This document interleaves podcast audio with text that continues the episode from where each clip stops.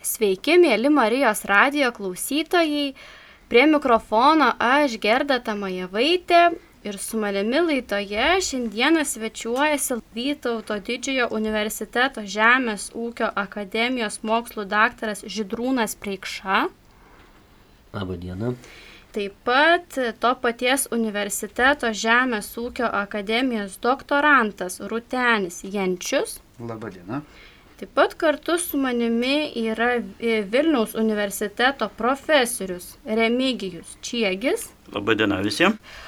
Šiandieną norėčiau pradėti būtent nuo tokiu priminimu, kad 2015 metais e, buvo paskelbta popiežiaus e, Pranciškaus enciklika Laudato Si.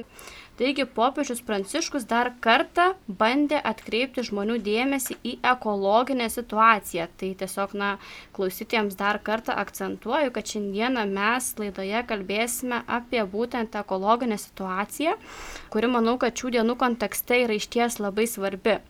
E, ir iš tikrųjų, ką tik lietuviškai išleistoje Britų gamtininko Davido Attenborough knygoje Gyvenimas mūsų planetoje, mano liudijimas ir ateities vizija ir geologijos profesoriaus Andrėjaus Spiridonovo pamastymuose apie tai, kas mūsų laukia ateityje, mm, nes na vis tik žmogaus e, planetai tapo lik vėžys gyvam organizmui, na toje knygoje tiesiog skamba labai pesimistiškos mintis apie žmonijos ateitį. Tai mano klausimas būtų e, mūsų profesoriui Remigijui Čiekiui. Ar tikrai mums krikščionims viskas atrodo taip fatališkai ir na vis tik kas kelia nerimo popiežiui? Dėkui.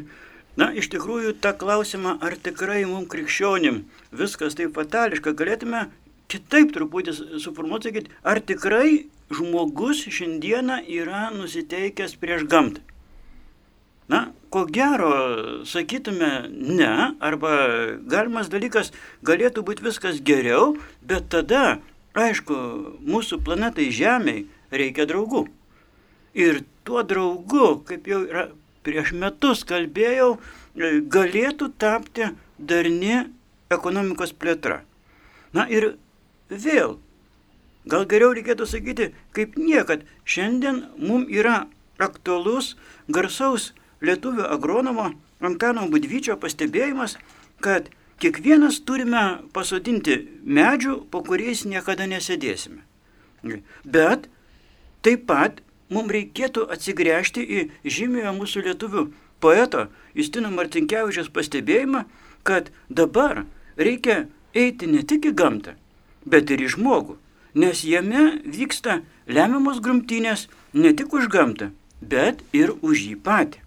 Na, kaip pastebėjo žymus gamtininkas, sociobiologijos pradininkas Vilsonas, žmogus yra suaugęs su gamta kraujo ryšiais, protų ir dorovė, todėl labai rizikinga yra suardyti gamtos vientisumą.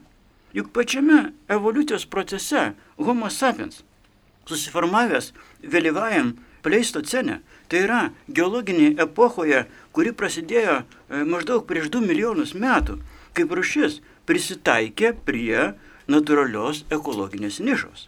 Bet gamtos pusiausvėra, pasiekta po tūkstančius milijonų metų trukusios evoliucijos, buvo rimtai pakeista paskutinį šimtmetį. Žmogaus veikla pasidarė tokia intensyvi, kad natūralių gamtos procesų balansas ėmė ir sutriko. Nei vienam kitam mūsų e, santykinai trumpos egzistencijos šimtmetyje žmonės nepasimokė taip stipriai ir skausmingai iš savo gamtos ignoravimo mastų bei gilumo. Dabar vargu ar be galima Žemėje rasti bent vieną vietą, kur neaptiktume žmonių ekonominės veiklos pėdsakų. Nuo Antarktidos centro iki Everesto viršūnės žmonių ūkinės veiklos atliekos bei teršalai yra niuri mūsų kasdienybė. Mažiausiai pusė visos Žemės sausumos, nepadengtos ledynais, jau yra ženkliai pakeista įvairios žmonių ūkinės veiklos metu. Lygiai kaip neįmanoma rasti net mažiausio vandeninų vandens mėginio, kuriame neaptiktume kasmet prisidedančių milijardų tonų atliekų pėdsakų. Žodžiu, mes palaipsniui vis labiau persikrapstume gyventi į dirbtinę, žmogaus sukurtą planetą ar pasaulį. Nes žmogaus veiklos nepakeistos gamtos kaip jau ir nebeegzistuoja. Taigi žmonija galės išvengti globalinės ekologinės katastrofos tik tuo atveju, jei pakeis savo gyvenimo dorovinius pagrindus. Kitas kritinis klausimas. Ar žmonija yra pajėgi prisitaikyti prie pokyčių vykstančių taip greitai? Taip pat svarbus klausimas, ar jau pilnai suprasta, kad žmonijai yra tiesiog būtinos naujos alternatyvios visuomenės plėtros idėjos, kaip bandymas suprasti dabartinio laikmečio problemas ir konfliktus, kaip ekonominės, socialinės, filosofinės, teologinės, ekologinės minties skubi reakcija į sudėtingų šiandieninių problemų ekologinių, technologinių, socialinių kompleksą. Juk visą tai stiprintų viltį, kad mes kaip visa žmonija galim pasirinkti tokius plėtros kelius, kurie tenkintų žmonės ir tuo pat metu nebūtų greunantis gamtai, leistų žmonių visuomeniai naudotis pakankamai aukštų gyvenimo standartų, nesuardant jos gamtinių ir biologinių pamatų. Jau ne vieną dešimtmetį savo knygose bei paskaitose studentams teigiu, E, kad būtent darnus vystimasis gali pasitarnauti karšlygiško gamtos išteklių niokojimo proceso stabdymui, pervedant ekonominį augimą į kokybinį lygmenį, bei suderinant ekonominę plėtrą su būtinumu apsaugoti mūsų planetos gamtinę aplinką.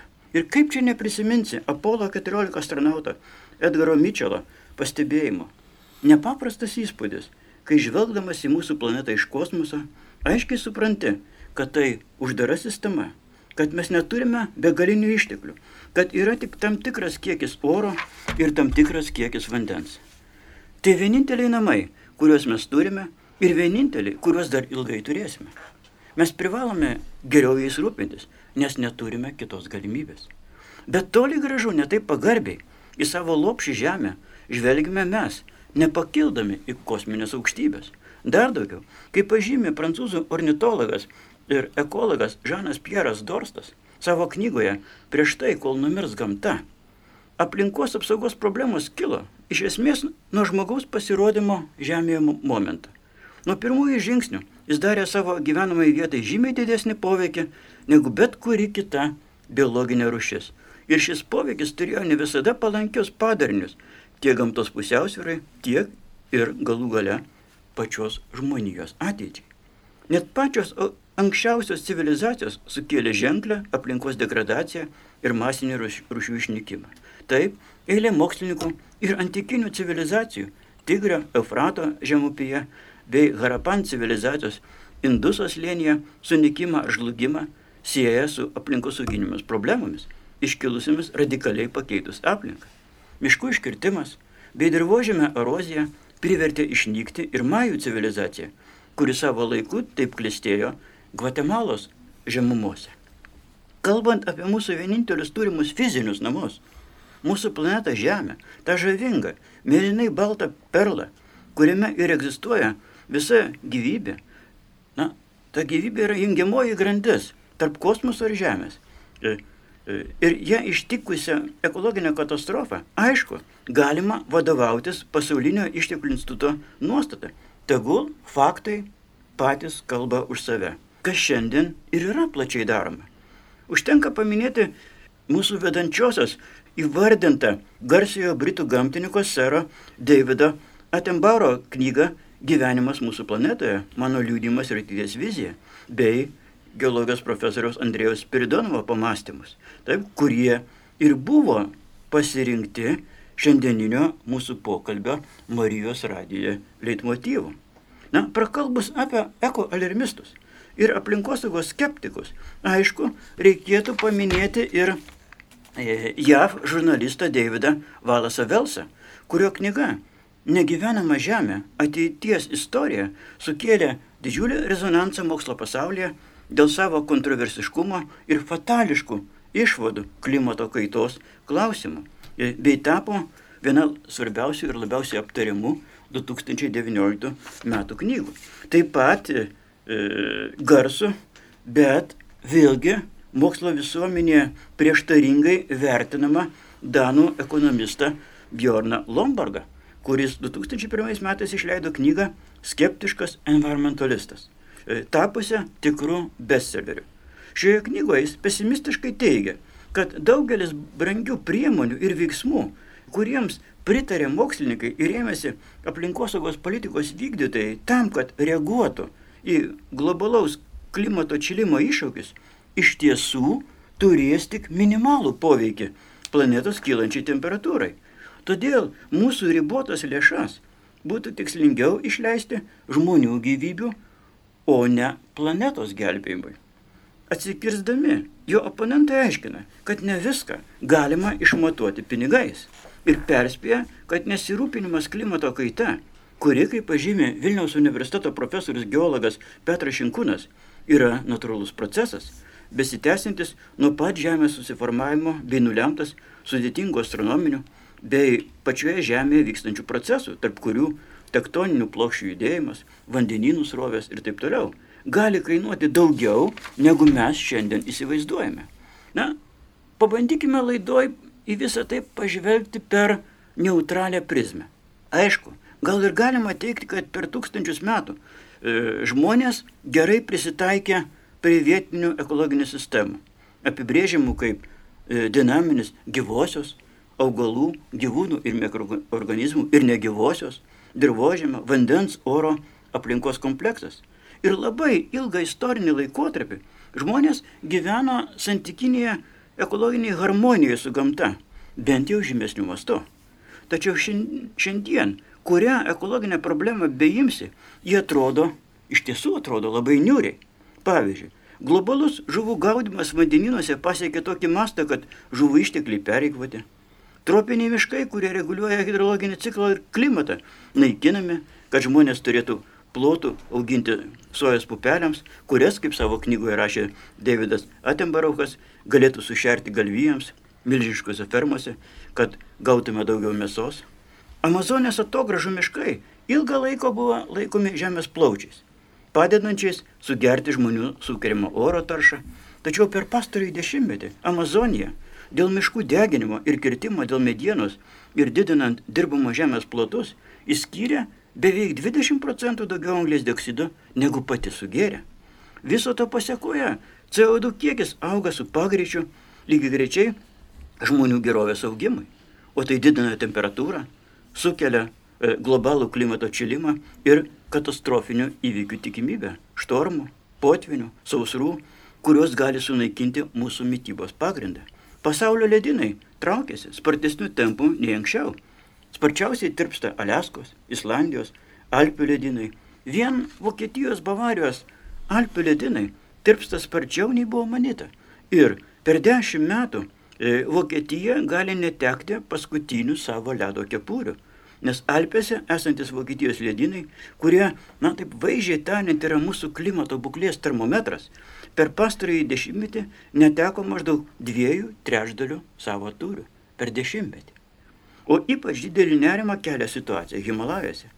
Ir jeigu ši tendencija išliks nepakitusi, tankiai gyvenamoms Azijos vietovėms grėsia potviniai ir vandens stygius, nes Indijos ir Bangladešo regionai gali patirti vandens stygių sausesniais laikotarpiais, kai didžiasias upes, tokias kaip Gangas ir Indas, daugiausia maitina ledino tarpno e, vanduo. Paimkim tai, kas aktualu mums Lietuvoje. Mums čia, Lietuvoje, svarbi problema Baltijos jūros, kuri, lyginant su kitomis jūromis, yra uždara, ribota, e, vandenų apykaita su Šiaurės jūra, kas apsunkina Baltijos vandenų, ypač giliųjų sluoksnių atsinaujinimą, taip tarša, kuri iš tiesų yra ne tik regiono, bet ir visos Europos problema, kurią būtina spręsti daugiau investuojant į taršos mažinimą. Bet be taršos azotų, fosforų ir šiukšlėmis nerima kelia ir antrojo pasaulinio karo pabaigoje Baltijos jūroje palaidoti apie 50 tūkstančių tonų amunicijos cheminio ginklo, pilni artilerijos svediniai, aviacijos bombos, e, mediniai ir metaliniai konteineriai, e, kurių nenuspėjamas nusidėvėjimas gali baigtis didžiulę e, ekologinę katastrofą. Na ir jeigu taip žiūrėtume į pačią Baltijos jūrą, tai didžiausias žinomos cheminio ginklo kapavietės Baltijoje yra prie Bornholmo salos ir Gotlando įdaboje, maždaug 75-120 metrų gylyje. Tai yra labai negiliai. Ir ką jau bekalbėti apie vis spartėjantį biologinių rūšių išnykimą. Gruboniškas gamtos eksploatavimas. Užmiršus garsaus amerikiečių ekologo e, Berry Komonerio pirmąją ekologijos dėsnį. Viskas yra susijęs su viskuo. Neįvertinant gamtos savireguliacijos mechanizmo dėsningumo bei biosferos savaiminio apsivalymo nuo teršalų galimybės, taip lėmė daugelio augalų ir gyvūnų rūšių sumažėjimą ar net išnykimą, vedusi į gamtinę katastrofą, skurdino, unifikavo biologinę įvairovę, sugriovė gamtinės biocenozės bei biologinės apsaugos ir biosferos atsikūrimo natūralius gamtinius mechanizmus. Besitęsiantis biosferos teršimas galiausiai labai neigiamai atsiliepė ir žmogaus prigimčiai. Mažino jo gyvybingumą bei kūrybinį aktyvumą, sukėlė vis daugiau jo organizmo mutacijų ir sunkių lygų, kas nenumaldomai lėmė ir žmonių, kaip rūšies genetinį degradavimą, nes gimsta ne visaverčiai palikonis. Panašiai kaip dinozaurai prieš 65 milijonus metų, žmonija pati atsidūrė masinio rušių išnykimo sukūryje. Stebime globalios evoliucijos konvulsijas, turinčias tik keletą analogijų per visą gyvybės istoriją. Bet skirtingai nuo dinozaurų, mes esame ne masinio išnykimo amžininkais, bet esame viso to priežastimi. Kaip pranašiškai kraupiai tada skamba dar 1820 metais. Tai yra prieš 200 metų prancūzų biologo, vieno iš evoliucijos pradininkų Lamarko pasakyti įspėjantį žodžiai. Žmogaus paskirti, paskirtis tarsi tokia, kad sunaikintų savo giminę, iš anksto pavertė žemės rutulį netinkamą gyventi. Galima sakyti, kad visos ekologinės sistemos eina žlugimo link, nes mes nenorėjom įvertinti to fakto, kad planeta turi baigtinius resursus. Juk laikui bėgant, Mūsų vartojimo greitis turėjo prilikti tų resursų atsinaujinimo tempui. O dabar kai ką mes vartojame šimtus kartų greičiau, nei tai spėja atsinaujinti. Patys savotiškai pjaudami šaką, ant kurios sėdime. Akivaizdu, kad šiandien gamta už mūsų tą besotį godumą ir netodarišką elgesį su ją mums negailestingai keršė, grasindama pasauliniu badu, nestabilumu, e, masinę žmonių migraciją kai migruos nebe milijonai, kaip dabar, bet milijardai. Juk, kaip viename iš savo ekologinių dėsnių sakė jau minėtasis Baris Komoneris, gamta žino geriausiai ir joje nėra nieko panašaus į nemokamus pietus. Todėl kiekvienas pelnas ekonomikoje pasiekiamas už tam tikrą kainą. Ir jeigu norime ką nors paimti iš gamtos, už tai privalome visi užmokėti, visi. Iš tiesų, technika suteikia žmogui nesvajotų jėgų, bet užmiršom savęs paklausti, jeigu kam - pražučiai ar vilčiai. Pačia aktualiausia nudienos gamtosaugos problema tapo mūsų rušies apsauga nuo mūsų pačių. Homo sapiens reikia apginti nuo homo faber. Kaip čia neprisiminti garsiojo amerikiečių rašytojo Marko Tveno sarkastiško pastebėjimo. Žmogus yra vienintelis gyvulys, kuris raudonuoja iš gėdos. Ir jam tikrai yra dėl ko raudonuoti. Todėl mes turime žinoti, ar mes keičiame žemę, ar jau artėjame prie kokios nors pavojingos ribos ir kur tos ribos yra, bei atitinkamai veikti. Tuo pačiu ir vokiečių bei amerikiečių filosofo humanisto Fromo iškeltą alternatyvą turėti ar būti dabar globalinės ekologinės krizės akivaizdoje galim traktuoti ir taip. Turėti kuo daugiau tik šiandien, ar būti ir išlikti rytoj. Taigi šiandien, priimant ūkinius sprendimus, plėtros planus, naujų technologijų kūrimo ir dėgymo programas, jau nepakanka vien ekonominės informacijos, bei siaurai suprastų ekonominio efektyvumo kriterijų. Būtini kiti kriterijai - ekologiniai, svarbiausia, doroviniai kurie vis labiau lemia pasaulio raidos perspektyvą, žmonių giminės veikatą bei išlikimą. Būtent o tas ekologinis darovinis imperatyvas ir nubrėžia tą lemtingą ribą, kurios nevalia peržengti. Bet ekologiniai daroviniai kriterijai, kaip nebūtų gaila, dar nesulaukia deramo dėmesio ir pagarbos. pavojaus akivaizdoje ypač reikšmingomis tampa to žmogaus mąstymo, elgesio formos, kurios išreiškia jo sieki paklusti gamtos dėsniams, įsikomponuoti į natūralius jos, jos ciklus.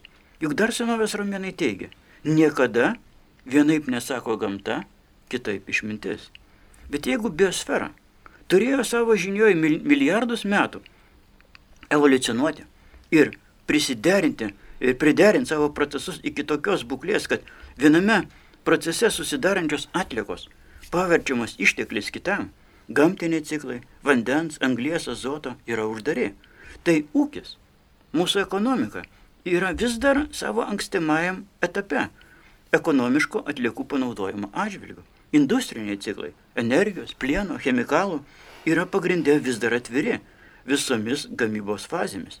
Tiek įtraukiant gamtinius išteklius į gamybą, tiek juos perdirbant, tiek išmetant į aplinką gamybinės atlikas. O technikos pažanga neretai pralenkia aplinkos kaitą, nepalikdama jai laiko adaptuotis. Todėl, norint pagreitinti ekonominę evoliuciją, visuomenė kaip tik ir turėtų mokytis iš biosferos bei stengtis radikaliai dėkti ekologinius principus į savo socialinės ir techninės organizacijas. Kaip pastebėjo e, Peturi, jeigu žmogus būtų stropiau mokęsis iš gamtos, jis kažin ar būtų sukūręs tokį nesubalansuotą pramoninės gamybos mechanizmą. Tokios elgsenos esminė idėja yra ta, kad ekologiniai principai yra visur tinkami spręsti iškylančias problemas. Taigi, e, baigdamas norėčiau pasakyti, kad e, mes privalome veikti taip, kad nekeltume pavojaus tolesniai žmonijos egzistencijai. Juk šiandien žmogus, perindamas į savo rankas visą žemės rutulį, pirmą kartą savo istorijai perima ir atsakomybę už savo ateitį. Prancūzų filosofo Monier žodis tariant, šią valandą žmonija įžengia į savo brandos metus. Ir norisi tikėti, kad žmonijos ateitis neturi pabaigos. Ačiū Jums labai, tikrai labai įdomus ir išsamus Jūsų atsakymas. Taip pat norėčiau paklausti tokio klausimo, na, tenka išgirsti, bio, na, tiesiog kartais biologus žmonės prilyginant planetos vėžiniams lastelėms, kurios e, ardo ir žudo savo aplinką. E, na, kaip vis tik atsitiko taip, kad žmogus, kuris buvo sukurtas kaip kūrinijos centras ir viršūnė, kuriam buvo pavesta saugoti ir globoti kūrinyje, tapo jos griovėjų. Tai turbūt čia reiktų kiekvienam žmogui kaip kūriniui stoti prieš save patį ir stoti prieš kurėją. Ir kiekvienas mes turėtume atsakyti į tą klausimą, tai koks mano šiandieną yra santykis su kūrėju Ir kodėl aš šiandieną kaip kūrinys ignoruoju savo kūrėją, atstumdamas, čia net gal reiktų sakyti, atmetant apskritai jį kaip kūrėją ir galvojant, kad, va taip kaip e, profesorius Remigijus sakė, kad tai, ką aš šiandieną turiu kaip dovana, aš ignoruoju tą dovanos aspektą ir tampu tuo savininku ir priimu, tai reiškia, žemę, pasaulį, gamtą, kaip man duota, su kuriuo aš galiu daryti, ką noriu. Tai turbūt, vat, čia yra santykio konfliktas. Ir jeigu mes bažnyčios mokymo kontekste, jeigu ekologinio mokymo kontekste nestosime iš naujo į šito santykio konflikto sprendimą, tai manau, kad e, šitas vėžys, kaip jūs įvardinat, jisai e, dar labiau bujos. Bet e, nesinorėtų tai pesimistiškai kalbėti, todėl kad kaip tik tai mes akademijoje atliekam tyrimą tiek su mokiniais, tiek su ūkininkais, tai tai, kad e, tiek mokiniams, tiek ūkininkams, sakykime, ar ne, sveikata, sveikas maistas, neužterštas maistas, vanduo yra vertybinių požiūrių prioritetiniai, tai suteikia vilties. Reiškia, mes šitą santykio konfliktą pradedam spręsti. Ko gero, kaip ir popiežius Pranciškus kalba, ką Jonas Paulius II kalbėjo, prieš tai kalbėjo ir mokė popiežiai ir bažnyčios mokymas apskritai, ko gero galima sakyti, kad jis yra girdimas. Ir va šitas girdėjimas skatina šito konflikto, santykio konflikto sprendimą. O tai yra džiugu. Ir vat jaunimas, man, man tas yra labai e, sveikintina ir tikrai teikiantis pozityvo labai daug, kad e, jaunimas netgi savotiškai leisiu savo pasakyti, kad jisai tampa mokytojais tai vyresniai kartai, kuri istoriniu požiūriu ar negyveno toj santvarkoj sovietiniai ir ką toji santvarka kalbėjo apie gamtą, apie dirbožymį kaip tokį, ar ne, kad e, jeigu mes norime turėti daugiau e, užsiaugintos produkcijos, tai reiškia naudokim kiek įmanoma daugiau chemijos, ar ne? Tai vad šitą chemiją, kuri savotiškai buvo užteršta toje kartoje, kad vat šitą taršą dabartinė karta pradeda išvalyti, jeigu aš taip galėčiau sakyti. Nežinau, kaip mano kolegos sakys. Bet vat, kol kas žiūrėkim pozityviai.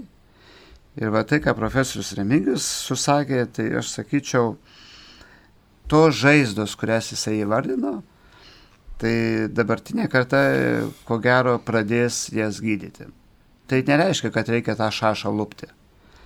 Mes mėgstam tą šašą visada lūpti, galvodami, kad palengvinsim.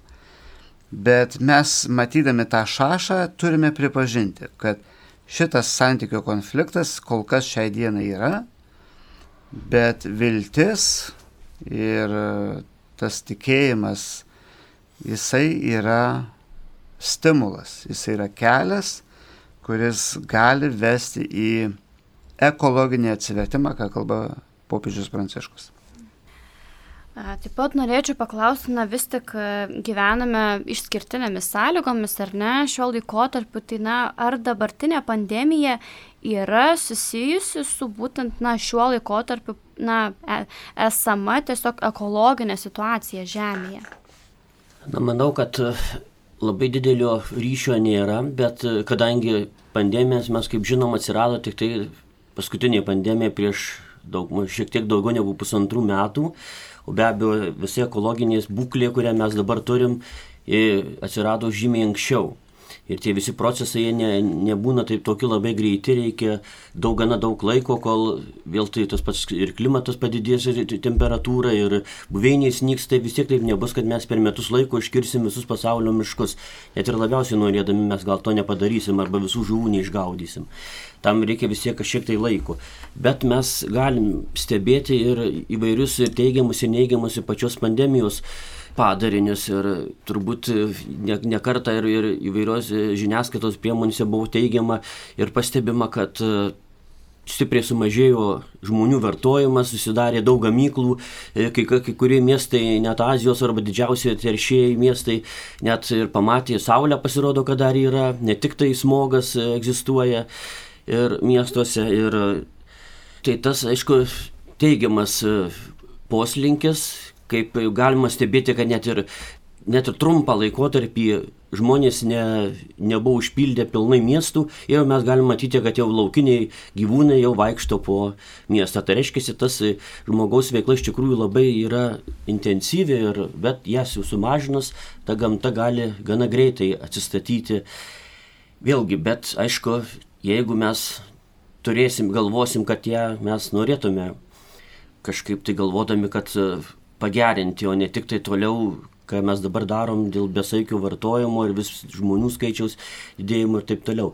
Kitas ir neigiamas truputį aspektas, kaip mes matom, irgi dabar pradėjome labai stipriai naudoti net tas vienkartinės įvairias kaukės ir dėja ne visis pasaulyje valstybės e, turi atliekų surinkimo ir perdimo sistemą ir absoliuti dauguma, va, ypač ypač tokiuose šalyse kaip Indija, Kinija, kur e, mes matom vandeninų pakrantės nusėtos vien tik tai kaukim arba tos kaukės teka upėmis ir patenka į vandeninus, tai be abejo tada gaunama labai didžiulė tarša. Ir jeigu kalba eina, kad tų kaukių mes naudojam milijardais per dieną praktiškai, tai reikia turėti galvoj, kad kiek mes vien tik per metus užteršėm savo vėl tik žemę praktiškai plastiku tas tiesa iš tiesų tenka pastebėti na vis tik tokių reiškinių tiek na kaip jūs pats ir minėjote indijoj kinijoj tai tas tikrai na liūdina iš esmės. A, taip pat norėčiau pakalbėti apie tai kad e, popiežius teigia kad klimato kaitos problemos e, yra tiesiogiai susijusios su socialine neteisybe.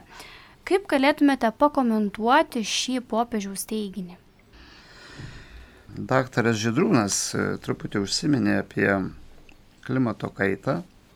Tai atliepiant tai, ką sakė kolega, e, ko gero reiktų mums vėl e, išgirsti popiežiaus pranciškaus kvietimą ir netgi raginimą tiek kiekvienas savęs asmeniškai, tiek kolektyviai arba visuomeniškai, ar ne, klausti, ar iš principo mes turime e, politinės valios atsakingai ir drąsiai skirti e, žmogiškų, finansinių, technologinių resursų, tam, kad būtų sušvelninta ta neigiama klimato kaita.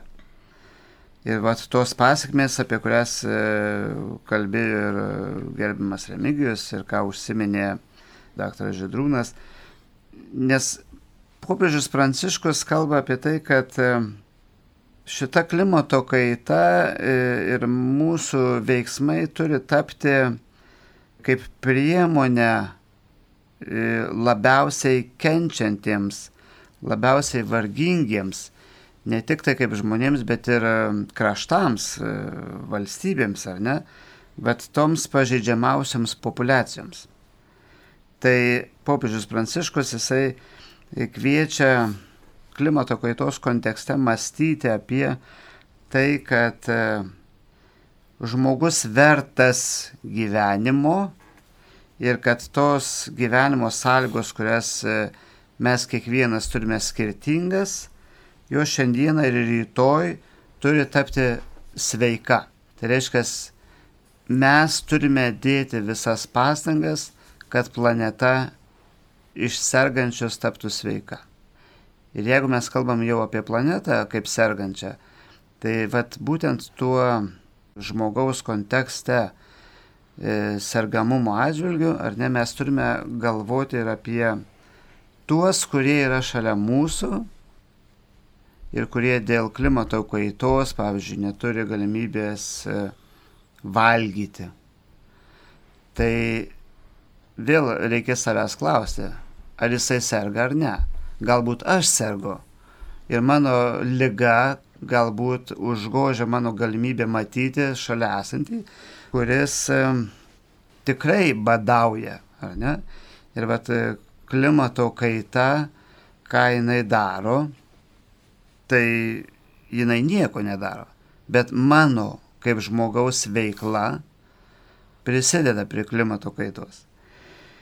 Tai vėlgi, jeigu žiūrėtume iš popiežiaus pranciškaus e, mokymo, jeigu taip e, imant, tai jisai kalba apie tai, kad klimato kaitos klausimai apskritai yra susijęs su aplinkosaugos sfera. Ir tai yra labai svarbu, nes etiniai, socialiniai, ekonominiai, politiniai aspektai skatina atsigręžti į tuos vargingiausius skatina atsigręžti tą socialinį teisingumą, apie kurį net kalbėjo ir Šventasis Jonas Paulius II. Jonas Paulius II apskritai primena, remdamas iš šventuoju raštu, ar ne, kad mes turime būti kilnus ir didžiadvasiški puoselėjant taiką. Tai vėl, ar ne, mes dar paliečiam kitą aspektą, tą taikos momentą. Nes e, jeigu aš badauju, aš ieškau maisto. Ir tada jau žmogus vis tiek yra žmogus ir norėdamas valgyti, jisai gali peržengti tas ribas, apie kurias kalbėjo gerbiamas Remigijus, jis labai gražiai įvardino, ar ne tas ribas, kur mes peržengdami kartais net nemastome. Ir šventasis Jonas Paulius II e, vėlgi e, primena Vatikano antrojo susirinkimą. Primindamas, e, kad susirinkimo tėvai kalbėjo apie žemę ir visą, kas joje, Dievas paskyrė visų žmonių bei tautų naudojimui. Tad teisingumui vadovaujant ir meiliai lydint, sukurtusios gerybės turi lygiai tekti visiems.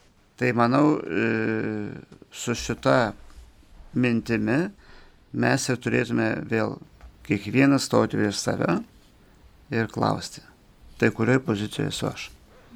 Ačiū Jums. Tai iš tikrųjų ateis diena, kai na, kiekvienas iš mūsų mes susitiksime su savo kuriejų ir pamatysime tą amžinai begalinį grožį, o kol kas esame įpareigoti pasirūpinti savo žemiškaisiais bendraisiais namais. Ką galėtumėte palinkėti klausytojams užbaigiant šią laidą? Aš tai norėčiau palinkėti, kad tikrai žmogus pataptų ne tik tai protingu, bet ir išmintingu ir suprastų, kas jo laukia ateityje, jeigu mes toliau taip galvosim tik tai šio vienadienio mąstymo, kad mums reikia tik tai šiandien kažko tai ir negalvosim apie vaikus, net jeigu ir labai nesvarbu apie kitus žmonės galvot, bent tada galvokit apie savo vaikus, kad jų gyvenimas neturėtų būti blogesnis negu tokį, kokį mes radom. Ir jiems turim perduoti neprastesnį gyvenimą, o, o kaip tik turėtum tik tai pagerinti ir ištaisyti gal, kurios klaidos buvo padarytos ne mūsų. Gal. Iš tiesų norėčiau labai padėkoti svečiams, e, ačiū klausytojams, kurie klausėsi laidos. Dar kartą primenu, kad e, laidą vedžiau aš, Gerda Tamajevaitė, o šiandieną pas mane svečiavosi Vilniaus universiteto profesorius Remigijus Čiegis, taip pat Vytuto didžiojo universiteto Žemės ūkio akademijos mokslo daktaras Židrūnas Preikša bei to paties universiteto Žemės ūkio akademijos doktorantas Rutenis Jenčius. E, linkiu klausytojams e, pamastyti apie klimato kaitą ir galbūt tiesiog na, pradėti mažiau vartoti, nes e, iš tikrųjų turime pradėti patys nuo savęs. E, nes tik tais tokiu būdu galime išsaugoti savo mylimą ir Dievo sukurtą gamtą. Sudie.